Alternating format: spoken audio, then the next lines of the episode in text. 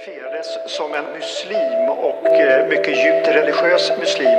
Det är Koranens fel.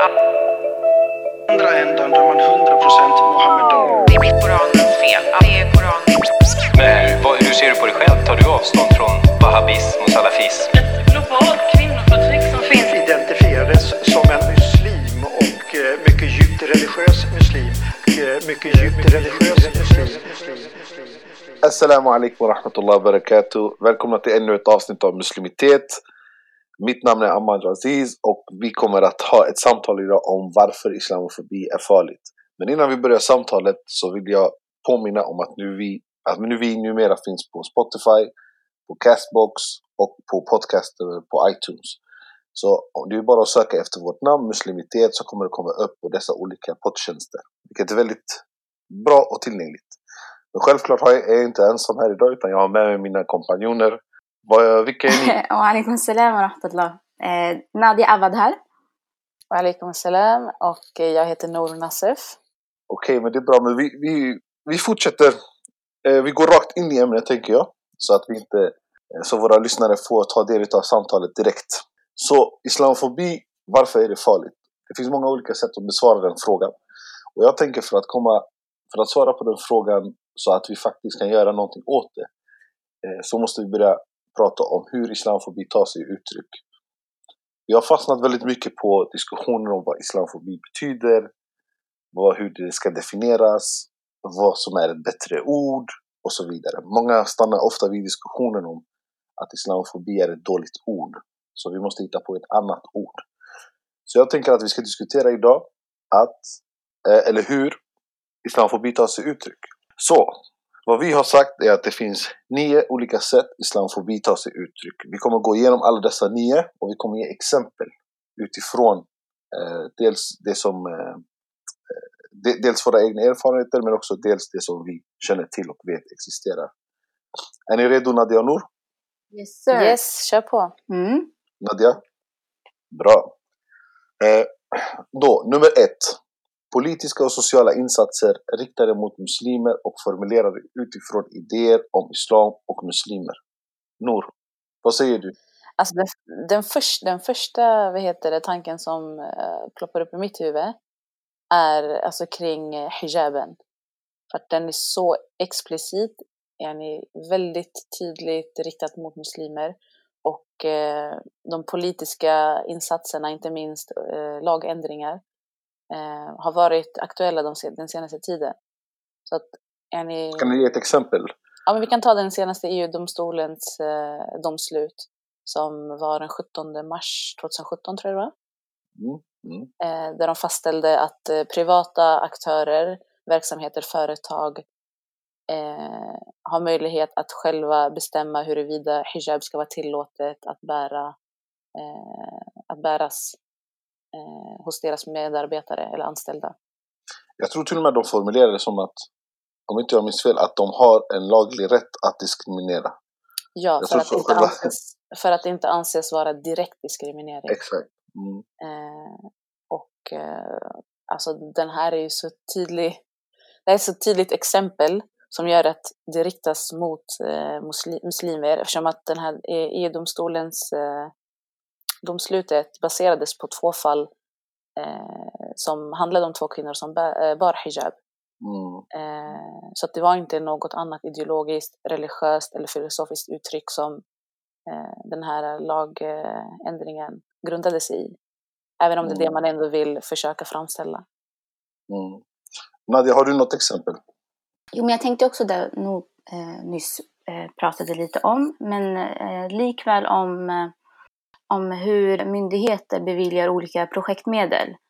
För till exempel om en som, eh, som kan eh, utmålas som en, en samhällskorrigering av den muslimska gruppen. Till exempel i år så beviljade MUCF eh, ett, eh, ett projekt, jag tror det var i Göteborg, där man skulle rikta insatser mot ett antal ungdomar utifrån vad de kallar då ett avradikaliseringssyfte eh, för att se vilken typ av metod och arbete som krävs för att förhindra eh, ja, men ungdomar ifrån förorterna och specifikt då säkert muslimer eh, ifrån att eh, ja, men extremifieras och så vidare. Eh, och det blir ju superallvarligt i och med att det här är ju en myndighet som, eh, som beviljar dessa medel likväl som andra kommuner. Eh, för jag tänker utifrån att vi ändå förklarar islamofobi som, som, eh, som systemisk och sy som systemenligt eh, så är det ett tydligt exempel på hur institutioner kan verka för att, eh, för att späda på och eh, eh, ja, men späda på islamofobin och få det att fortsätta att verka i samhället. Men också, jag tänker också det som är intressant i det fallet som du nämnde Nadia, det är att vad heter pengarna är också begränsade. Så att den här prioriteringen som görs, att det är det här projektet som man ska bevilja medel till eh, i jämförelse då med, för det är ju andra de, eh, projekt som, eh, projektansökningar då som utesluts. Eh, så att det visar sig också i den här prioriteringen som görs. Eh, även om det kanske då också handlar om ett väldigt, Mm. väldigt fåtal ungdomar Precis. till exempel. Eh, och så. Ja, just hela, av, hela, hela, just hela den här avradikaliseringsindustrin är ju egentligen formulerad utifrån idéer om muslimer och islam. Så att den bygger ju väldigt mycket på, även om man säger att man tar med till exempel vänsterextrema och, och även högerextrema så är det ju väldigt stort fokus just på muslimer och idéer om hur islam tolkas. Det är därför vi har till exempel de här MSB-rapporterna som inte bara pratar om ideologiska och politiska motiv som muslim, muslimska våldsverkare har utan snarare också pratar om hur man tolkar islam. Så man har gett ut till exempel en salafism-rapport och så vidare. Och så, alltså I det större hela så är det också kriget mot terrorismen som är en insats som är formulerad dels utifrån muslimer och islam men också som en direkt eh, insats mot muslimer. Alltså vi har oh, över nästan minst, eller vi har minst, vi vet att vi har minst två miljoner döda i kriget mot terrorismen sedan 2001. Sen är det mycket mer om man, om man eh, tar med de senaste åren också, men den statistik som finns tillgänglig är att det är minst två miljoner och det är ju liksom inte, det här är civila människor. Det är inte så att jag pratar om två miljoner från Al-Qaida. Så vi märker ju också att kriget mot terrorismen faktiskt också är riktat mot muslimer. Det är också en politisk insats mot muslimer. Ja, och jag tänker också att eh, återigen om man tänker på hur den här våldsbejakande extremisminsatserna uppkom. Det var ju också utifrån eh, idén om IS-resenärerna och yani, när hela den här eh, grejen var väldigt aktuell för, ja men när IS utropade sin khilafa och så. Ehm, så att det blir återigen att, precis som i, den här hijab, i de här hijabfallen, att man pratar i generella termer om filosofiska, religiösa och politiska uttryck och attribut, symboler. Men det baseras utifrån, som du sa, idén om muslimen och att saker och ting har inte varit ett problem. Högerextremismen och vänsterextremismen i det här, i det här avseendet har inte varit ett sånt politiskt problem att man behövt de här insatserna förrän man poängterat att det finns eh, en så kallad islamistisk eh, extremism. Eh, och då försöker man liksom inkludera även andra typer av eh, ja, men extremism för att ändå liksom utmålas som att vi är emot all typ av extremism, vi är emot all typ av religiösa eller filosofiska och politiska attribut och så vidare. Eh, Fast de har varit ett problem. Alltså, det är bara det att de har varit ett problem men de har inte... inte det här avseendet och det har inte krävts de här Nej, insatserna. exakt, Och det är det ändå liksom som är det viktiga att liksom ha i åtanke när det kommer till de här frågorna. Mm. Ska vi, eh, innan vi går vidare tänker jag, eh, så att vi också får med lite mer subtila eh, uttrycksformer, eller lite mer normaliserade uttrycksformer också. Alltså saker som integrationspolitiken är också formulerade väldigt mycket utifrån idéer om muslimer och islam, hur muslimer och islam är.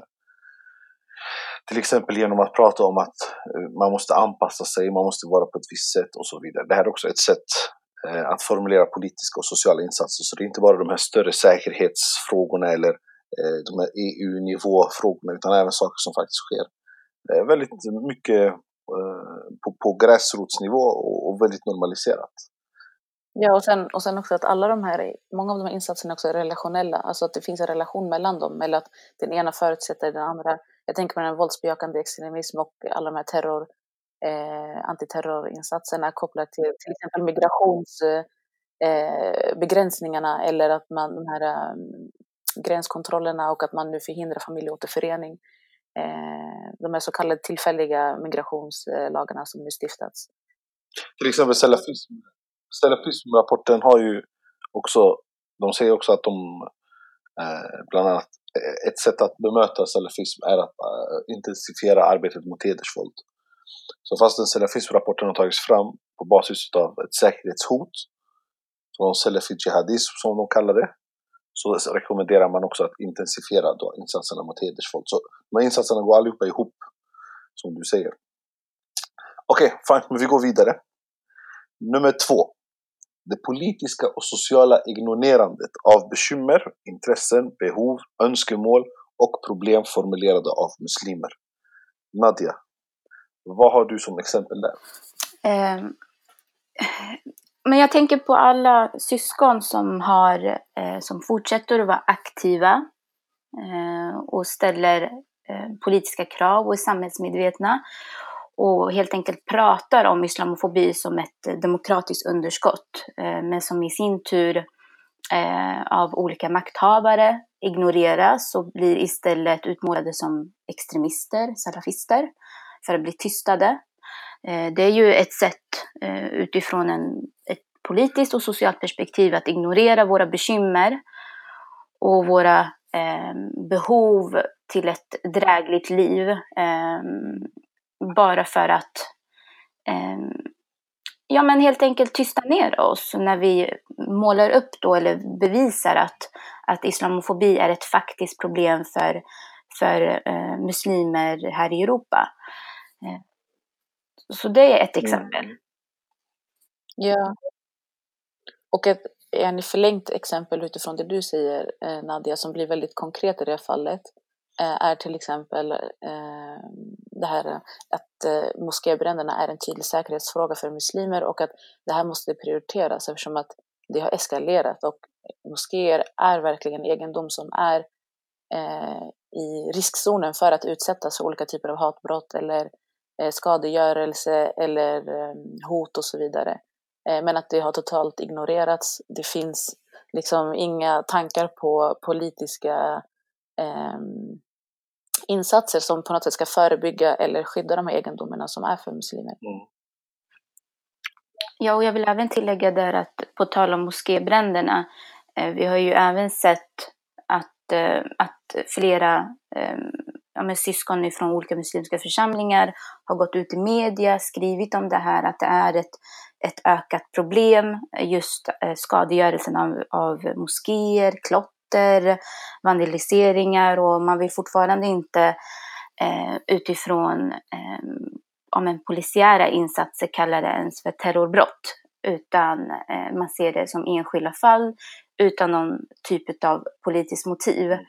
Och det visar ju verkligen på att eh, ja, men muslimers eh, säkerhet inte tas på allvar. Mm. Eh, på, ett, eh, på, ett nationellt, eh, på en nationell nivå vilket är superallvarligt. Mm.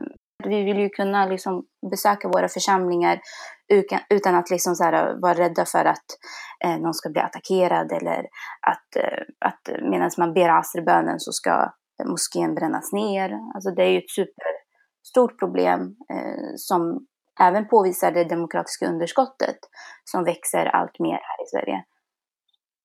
Sen är det också att eh, många av de här sakerna, alltså själva ignorerandet kan ju också ta uttryck i former utav att man eh, helt enkelt ignorerar som, som vi säger. Till exempel i former utav att arbetsgivare märker till exempel att arbet, det finns en stor, eller ett visst antal, det behöver inte ens vara ett stort antal, bara ett visst antal personer som firar Ramadan eh, eller som, inte, som, som på olika sätt behöver ledigt under andra datum än än sina, sina ordinarie lediga dagar. Men man ignorerar att ens ta upp det. Eh, och man kanske inte ens, och när, man väl tas, när det väl tas upp så tar man inte ens det vidare för att hitta en lösning utan man, får, man låter dem då ta, gå, låter dem det gå ut över till exempel deras ordinarie dagar. Eh, och det är samma sak med en sån enkel grej som mat, mat, maten i skolan. Att en hel skola där det nästan bara är muslimer ändå inte får halal-mat. Utan det är fortfarande mellan vegetariskt och fläskfritt som man får välja. Eh, för man antar att det fläskfria då är, eh, eller man anser att det fläskfria är tillräckligt, vad man har gjort tillräckligt bra och så vidare. Så att det finns alla de här sakerna som på olika sätt, eh, som är både enkla och svåra, och, låga och höga, men på där man på olika sätt inte värderar att muslimer också ska vara vet, autonoma människor som har möjlighet att göra autonoma beslut för sig själva på olika sätt. Identifierades som en muslim och eh, mycket djupt religiös muslim. Det är Koranens fel. andra ändan där man 100% Mohammedan. Det är Koranens fel. Det är Koranens Men hur, vad, hur ser du på dig själv? Tar du avstånd från wahhabism och salafism? Ett globalt kvinnoförtryck som finns Identifierades som en muslim och eh, mycket djupt religiös muslim. Eh, Mycket djupt religiös muslim. Nummer tre. Övervakning och disciplinering av muslimer, av staten och av andra. Nor. Yes. Ehm, alltså, jag, jag ser nu bara det som spontant kommer upp eh, i mitt huvud. Eh, men det, det är lite det som vi diskuterade i tidigare avsnitt kring eh, hur man disciplinerar barn och unga som är muslimer. Eh, och som sker i väldigt så här, vardagliga sammanhang. Eh, ja, men till exempel om man åker kollektivtrafik eller eh, befinner sig på allmänna platser. Att det finns en sån tydlig tendens att Um, känna behovet av att man ska uppfostra de här barnen eller civilisera de här barnen. Eh, att det här uppdraget är ditt ansvar. Eh, och kan vi alla har känt av det på olika sätt när vi var små och vi ser det, hur eh, barn och unga, inte minst från orten, eh, behandlas ute i allmänheten eller hur vi ses ner på dem eh, och så. Och att de barnen inte heller då kan verka på lika villkor som andra barn i, i samhället. Och sen är det, alltså det självklara, kanske det mest självklara exemplet förutom det du ger. Det är ju liksom övervakningen som, som vi i alla fall föreställer oss. För att även om den är sann eller inte, så föreställer vi oss ändå att vi har en viss övervakning från staten i form av Säpo kontrollerar våra telefonsamtal, datatrafik och så vidare. Så många muslimer, även om liksom det inte är bekräftat eller det kanske inte ens är så, så har man känslan av att det är så. Och har man känslan av att det är så, så får det ändå de effekterna som om det är så. Och det är det som sker ofta. Vi märker eh, ett väldigt stort antal syskon till exempel har eh, inte sina eh, riktiga namn på, på sociala medier. Inte vågar uttrycka sig, censurera sig själva. Eh, i, i, i, I rädsla för att på olika sätt eh, Eh, misstänkliggöras. Eller på olika sätt missförstås och, och, och så vidare. Och sen få sina då rättigheter begränsade. Så att liksom det mest explicita skulle jag säga den här övervakningen. Men så finns det också eh, den faktiskt eh, ut, den övervakning som kommer till uttryck genom till exempel att Säpo kontaktar organisationer, kontaktar eh, muslimska ledare, kontaktar muslimska företrädare. För att, alltså det, det, har ju två effekter. Dels är det ju att Säpo vill ju ha informatörer. Så att de faktiskt kan ha koll på communityn, vilket är väldigt farligt egentligen. Eh, och det andra är ju egentligen att säga till den personen eller den organisationen att eh, alltså ge, ge eh, intrycket om att vi har koll på er. För att Säpo skulle inte kontakta en organisation bara så, utan de måste ju ha gjort en viss efterforskning innan, de vet vem de pratar med, de vet varför de pratar med de här, de vet varför de här är intressanta för Säpo. Så det betyder att Säpo då har övervakat dem i en viss mån. Så eh, det här är också olika exempel på hur eh, man disciplineras till att faktiskt lyda och inte gå utanför de acceptabla gränser, eller de, de gränser som man anser är acceptabla för muslimer i Sverige. Men det är två väldigt konkreta exempel. Eh, Nadia, har du någonting? Mm. Nej, men jag tänker även på olika politiska disciplineringar som vi har sett de här senaste åren ifrån våra politiker. Liksom jag tänker vår, vår förra statsöverhuvud, Stefan Löfven, när han gick ut och sa att i Sverige så skakar alla hand. Eh, likväl har eh, vår finansminister eh, Magdalena Andersson, Morgan Johansson, justitieminister även gett ut sådana uttalanden. Och det är ju en slags symbolpolitik som, som eh, dels tydliggör den över och underordningen som existerar i samhället. Eh, men sen även att, eh, att det är en förlängning av den, eh, av den här samhällskorrigeringen som staten gärna vill eh, eh, rikta sig mot när det kommer just till den muslimska gruppen. Och när vi har våra politiker som i nationell tv eller när de eh, skriver artiklar eller ger olika uttalanden just ehm, har en väldigt disciplinerande ton och vi vet ju vilka grupper det är de pratar om. Vi vet att de pratar om oss muslimer. Eh, och den gemene mannen kan liksom hålla med. Alltså alla känner ju till vad det är de syftar till att göra. Eh, det i sig ger ju en, en, so, en slags social acceptans. Eh, att, att tilltala oss muslimer på det här sättet. Och det är någonting som också verkställs sen i, på arbetsplatsen, i skolorna, när lärarna hyttar med fingret mot muslimska barnen. Eh, ifall det är någon konflikt som har uppstått och hur man menar då att, att det, det muslimska barnet måste skärpa sig och, och, anpassa sig till samhället. Eller om det skulle vara en arbetsplats där en syster eh, eh får obekväma blickar av arbetskollegor för att hon, för hon bär en jilbab. Alltså det är ju det här är helt enkelt en, en, en politisk konse en konsekvens av den politiska, det, det politiska samhällsklimatet som vi ser. Mm. Men någon slags strukturell övervakning menar du också?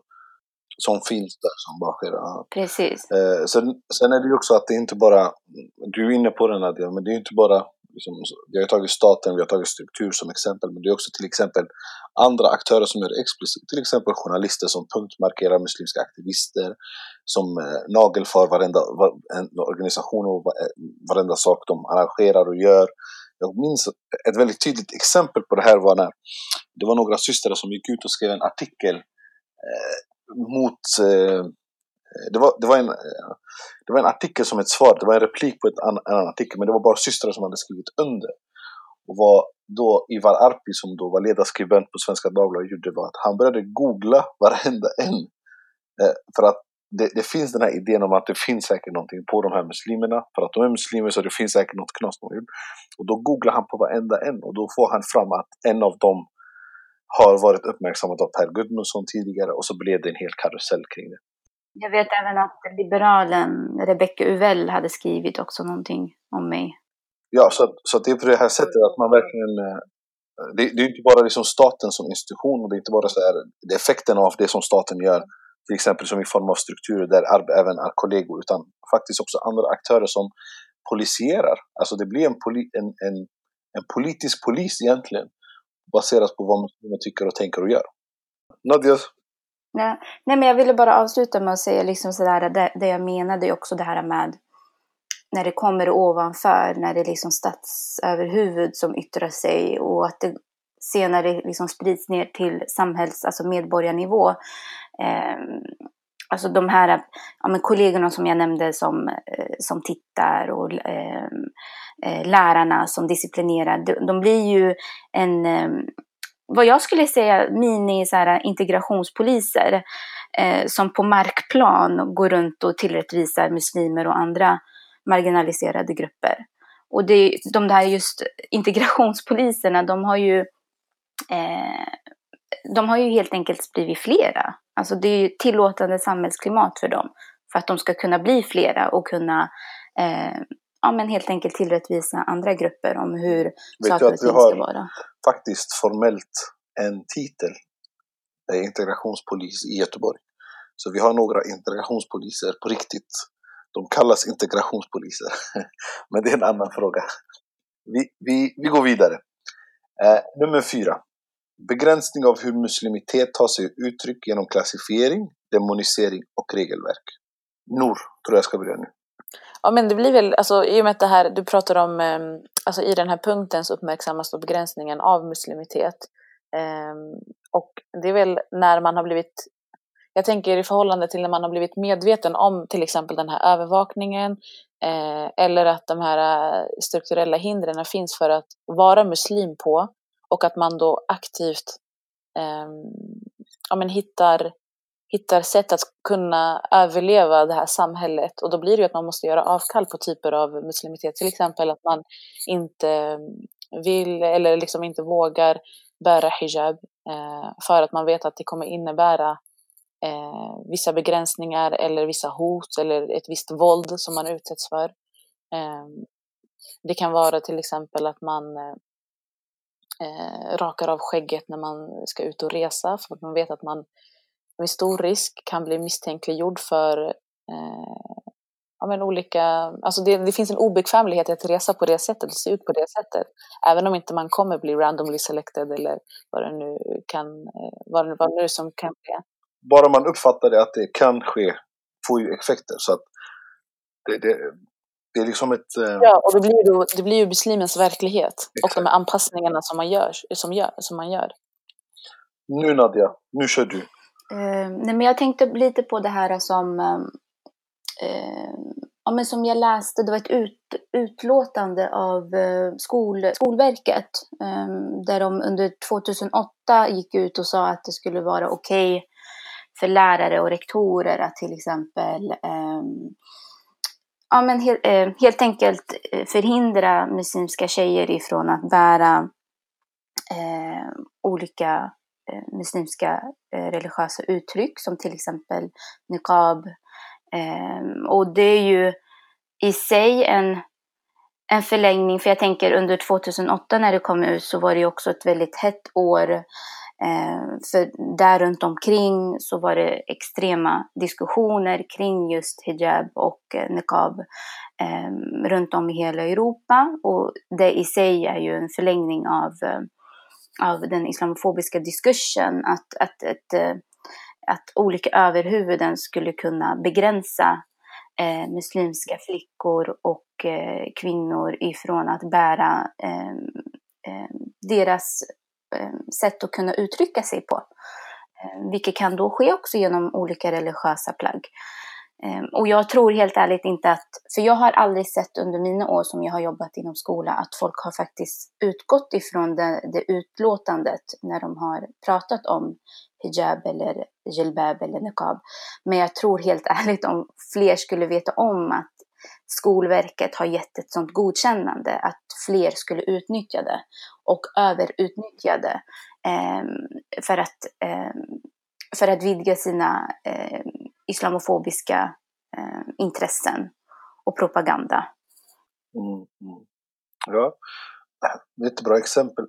Det finns ju också, eh, alltså ett annat exempel är, alltså rasism är ju också klassif- makten att klassifiera, att ha makten att klassifiera och definiera saker. Eh, och här tänker jag till exempel på att eh, MSB ger ut rapporter där de kallar vissa, eller Myndigheten för samhällsskydd och beredskap, alltså ger ut de här rapporterna där de säger att vissa är Muslimska brödraskapet. Då klassifierar de här organisationerna och tar sig friheten att använda sin makt för att klassifiera de här organisationerna som eh, Muslimska brödraskapet. Frågorna som finns där är att okej, om de är Muslimska brödraskapet, varför skulle de inte kunna vara det? Till exempel.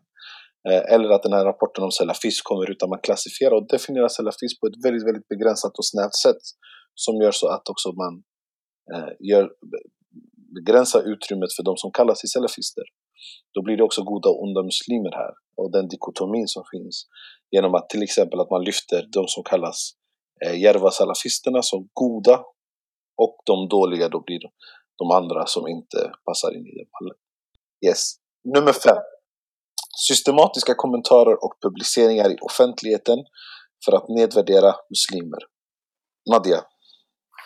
Jo, men jag var ju lite inne på det där med just politikers utlåtande på nationell nivå.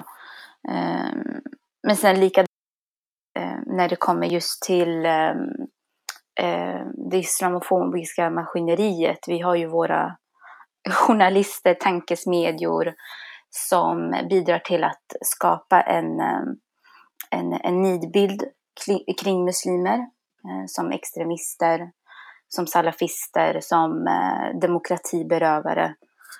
Och det här är ju liksom eh, aktörer som skriver på eh, myndighetstillåtande plattformar, till exempel får olika projektmedel eh, godkända för att de ska kunna driva en sån politik eh, på nyhetssajter och dessutom så får de olika eh, alumnepriser alumnpriser för deras eh, så kallade demokratiarbete. Eh, de får tala inom olika akademier. Alltså det finns ju liksom en, en, en strukturell eh, acceptans av att en sån diskurs ska kunna föras vidare. Och att man till och med belönar de här aktörerna för att eh, prata om muslimer på det här sättet.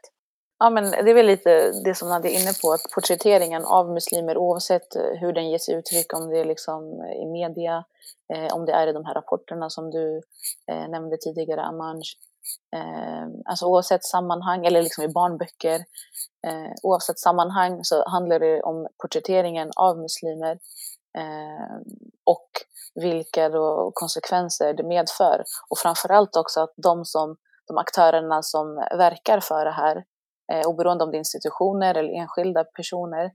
Eh, som du nämnde Nadja, att det finns en materiell vinst i att också driva på det här. Eh, så att, ja, det är väl det exemplet jag tar.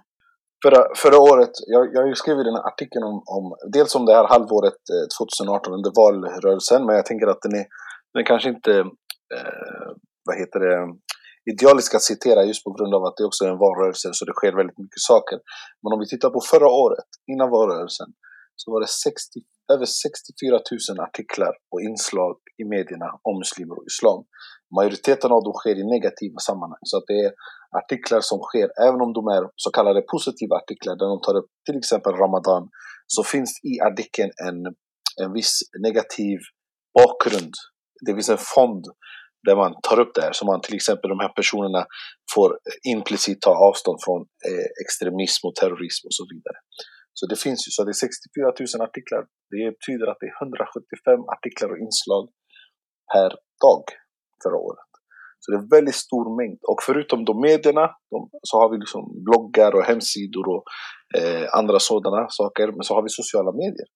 Där till exempel Twitter är en plats där många journalister och många makthavare på olika sätt uttrycker sig men också formar idéer. Vi vet ju att Trump har använt det senaste, eh, sen han blev president så har han använt Twitter som ett, ett sätt att faktiskt föra ut politiska budskap. Och det gör ju makthavare även i Sverige. Så de får ju ut politiska budskap, de formar politiska eh, insatser och händelser utifrån vad som sker på Twitter. Till den graden till exempel att när en bok som heter Klanen kom ut eh, och då reagerade väldigt många på Twitter så att Aftonbladet eh, gav, gjorde någonting mer än vad de tidigare har gjort i andra sammanhang just på grund av att de kände en stor press. Så att vi ser också på sociala medier att saker och ting sker. Eh, så här, jättemycket kommentarer eh, under artiklar som handlar om muslimer och så vidare. och Så vidare. Så det är en väldigt stor mängd. Identifierades som en muslim och eh, mycket djupt religiös muslim. Det är Koranens fel. andra änden där man 100% Mohammedan. Det är Koranens fel. Det är Koranens Men hur, vad, hur ser du på dig själv? Tar du avstånd från wahhabism och salafism? Ett globalt kvinnoförtryck som finns Identifierades som en muslim och eh, mycket djupt religiös muslim. Och, eh, mycket djupt religiös muslim. Eh, nummer sex.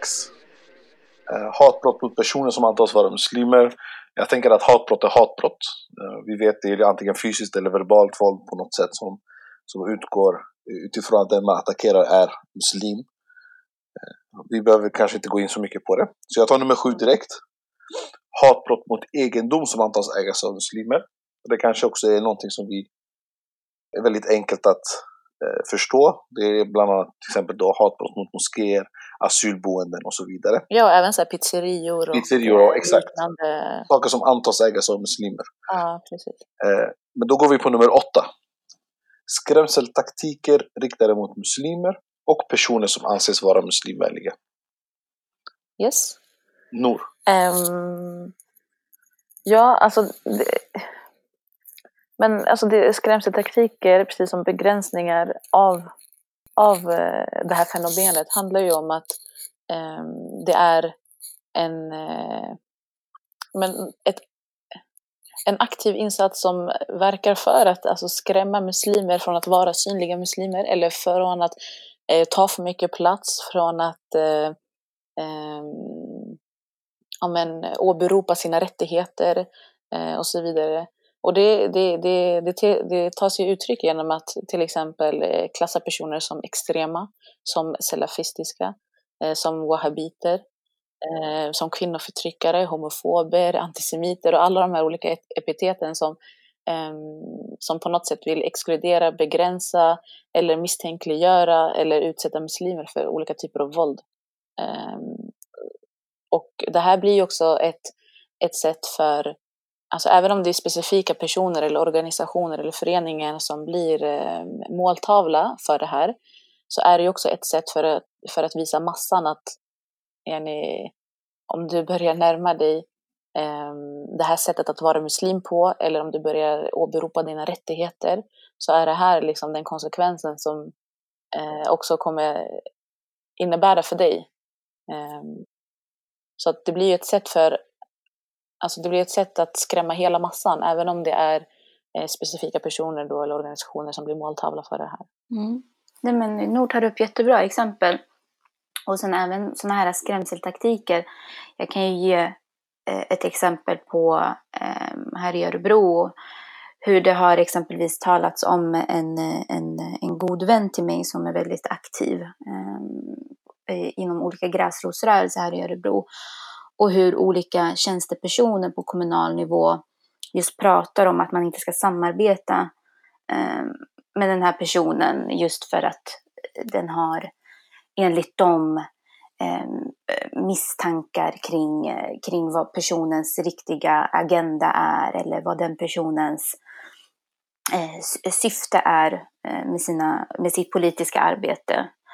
Och, så det är ju också det här att man, att man, att man sprider eh, man sprider ord på, eh, med, med, en sån makt som man har som tjänsteperson inom kommunen. Att man förhindrar vissa aktörer ifrån att samarbeta med andra för att man inte vill eh, eh att den personen ska eh, gå igenom med sitt politiska arbete. Eh, och, och, det vet jag att det sker i andra kommuner lika så, men just i Örebro så har det blivit en sån grej. Likadant när vi skulle bjuda in en föreläsare som skulle prata om hur han eh, hade lämnat sitt eh, kriminella liv och, och, skulle berätta om olika strategier för hur han har eh, tagit sig igenom det här. Och det är en, det är en person som, som, är, eh, som är muslim, en, en brun man. Eh, och han eh, eh blev avbokad av den här ungdomsverksamheten i sista minuten för att man inte var tydlig i att veta vad, vad hans riktiga intention var med hans föreläsning ifall han skulle kunna eh, eh, påverka yngre till att bli kriminella. Och man är så här, men alltså det är ju det han är ju här för att snacka om, att inte, han är ju här för att snacka om hur han gick ifrån kriminaliteten och nu är ute och föreläser och pratar om viktiga saker. Ehm, men trots det så ifrågasätts han och misstänkliggörs han. Och just säkert på grund av olika rasmarkörer av att vara en brun muslimsk man. Ehm, och det är superallvarligt för det, det, det, är ju, det är ju liksom inte ett enskilt fall utan vi vet ju att det här pågår runt om i hela Sverige. Ehm, jag vet säkert att du Amanda i Göteborg har liksom stött på även andra sådana personer, eller du Nor i, i, eh, i Stockholm där man får höra folk som har blivit eh, ja, men helt enkelt misstänkliggjorda för sitt arbete. Vi vet att det händer hela tiden liksom.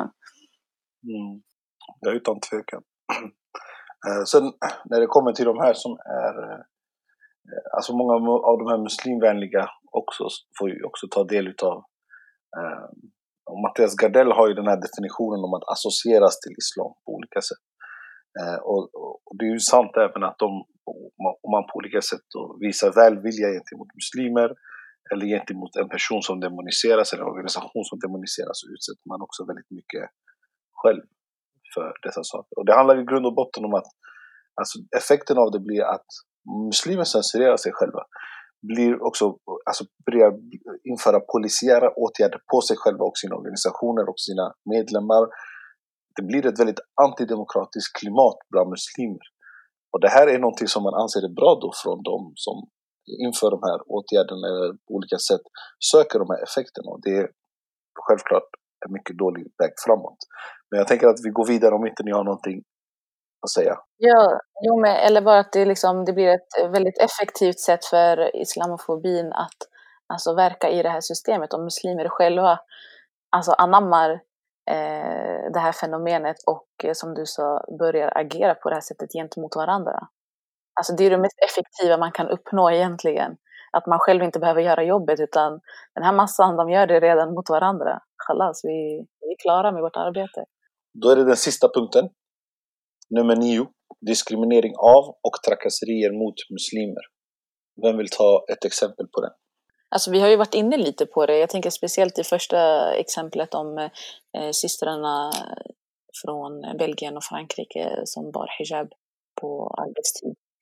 Eh, Ja, det här är ett så konkret fall, exakt. Men sen är det självklart diskriminering är också större, alltså diskriminering som sker nästan, alltså som sker dagligen också på arbetsplatser på olika sätt, eh, alltså i, som både är enligt lag och enligt, inte enligt lag. Det finns ju diskriminering som är tillåten och det finns diskriminering som inte är tillåten. Eh, Och här vill jag också bara uppmärksamma att för att diskriminering förstås oftast utifrån eh, arbetsmarknaden eller bostadsmarknaden. Men skolan är ju, alltså jag tror att det är ännu tydligare där eh, utifrån hur betyg sätts. jag tror det är, sko- Eh, till exempel. det är skolan och tjänster också, va? Tjänster, skola, bostad och arbetsmarknad tror jag som man har Ja, precis. lagen. Eh, Men vi begränsar oftast arbetsmarknaden. Visst, alltså av många olika anledningar. Eh, Men jag tror att det är väldigt viktigt att uppmärksamma skola också. Men till exempel om man går in i en butik och butiken vägrar serva dig på grund av att du, du uppfattas vara muslim, det är också en diskriminering. Ja, utan tvekan. Eller att man inte vill, eller att man, eller att man till exempel att patienter inte vill att muslimer ska eh, vad heter det, undersöka Mm, dem till exempel. mm. Exakt. Nadia, har du någonting att säga? Nej men alltså vi har väl nuddat väldigt mycket kring just ehm, ja, men den ökade diskrimineringen, trakasserierna och eh, hatbrotten riktade mot muslimer. Jag tycker bara liksom så här, en intressant fakta är ju att till exempel den dåvarande regeringen eh, har eh, infört i och med det här året ett sätt att liksom kunna här, stävja den utvecklingen genom att satsa extra pengar till exempel på att eh, bekämpa just hatbrott. Eh, jag vet att från och med i år så får till exempel polisen 10 miljoner extra för att bekämpa just hatbrott. Ehm, ehm, sen samtidigt som du säger Aman så, så mm, finns det ju laglig diskriminering och olaglig diskriminering och, och jag ser inte direkt att eh, det Ja men helt enkelt att eh, de diskussionerna som sker nu är tanken att man ska kunna eh, strida emot eh, EU-domstolens eh, tillåtandet av just eh, diskrimineringen av eh, religiösa symboler och så vidare. Så, så jag ser inte riktigt hur, hur man ska eh, ja, men hur polisen ska kunna bekämpa just hatbrott men samtidigt ska man ja, men, eh, legalisera att man ska kunna diskriminera men, muslimska hijabbärande kvinnor på arbetsplatser. Mm. Liksom det, det, går inte, det går inte ihop liksom. Mm. Alltså diskriminering, eh, alltså att våra lyssnare också hänger med. Diskriminering betyder ju att någon missgynnas på ett sätt som någon annan inte görs i en jämförbar situation. Så det innebär, alltså vissa saker kan ju vara, vi har ju laglig diskriminering och ett väldigt, väldigt enkelt och tydligt exempel är ju ålder. Man får inte till exempel rösta om man, inte, om man är under 18, man får inte ta körkort under, när man är under 18 och så vidare. Det här är lagliga diskriminering, alltså diskriminering i sig självt, ordet kan ha både en laglig och en olaglig eh, konnotation så att man förstår det.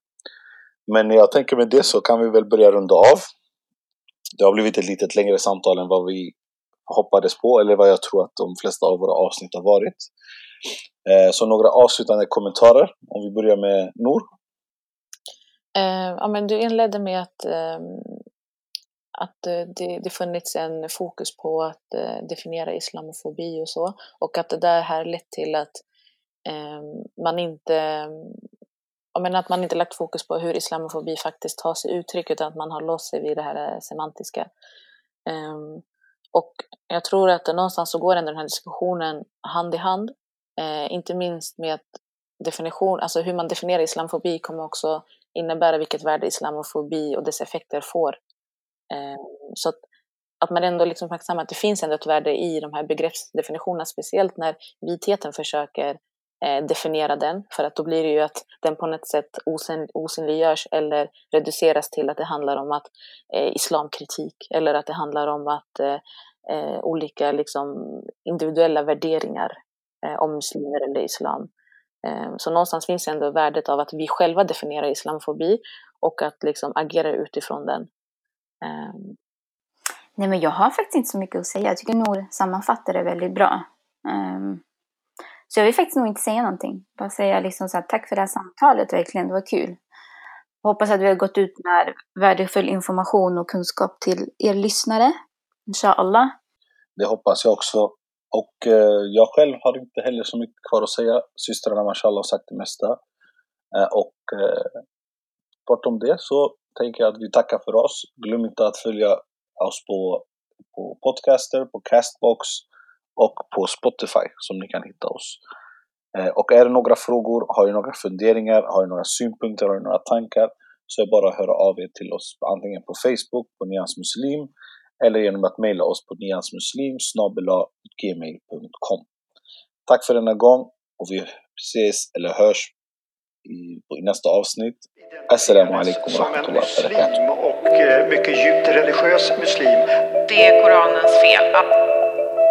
Andra ändan där man 100% Mohammedan. Det är Koranens fel. Det är Koranens Men hur, vad, hur ser du på dig själv? Tar du avstånd från wahhabism och salafism? Ett globalt kvinnoförtryck som finns identifierades som en muslim och eh, mycket djupt religiös muslim. Eh, Mycket djupt religiös muslim.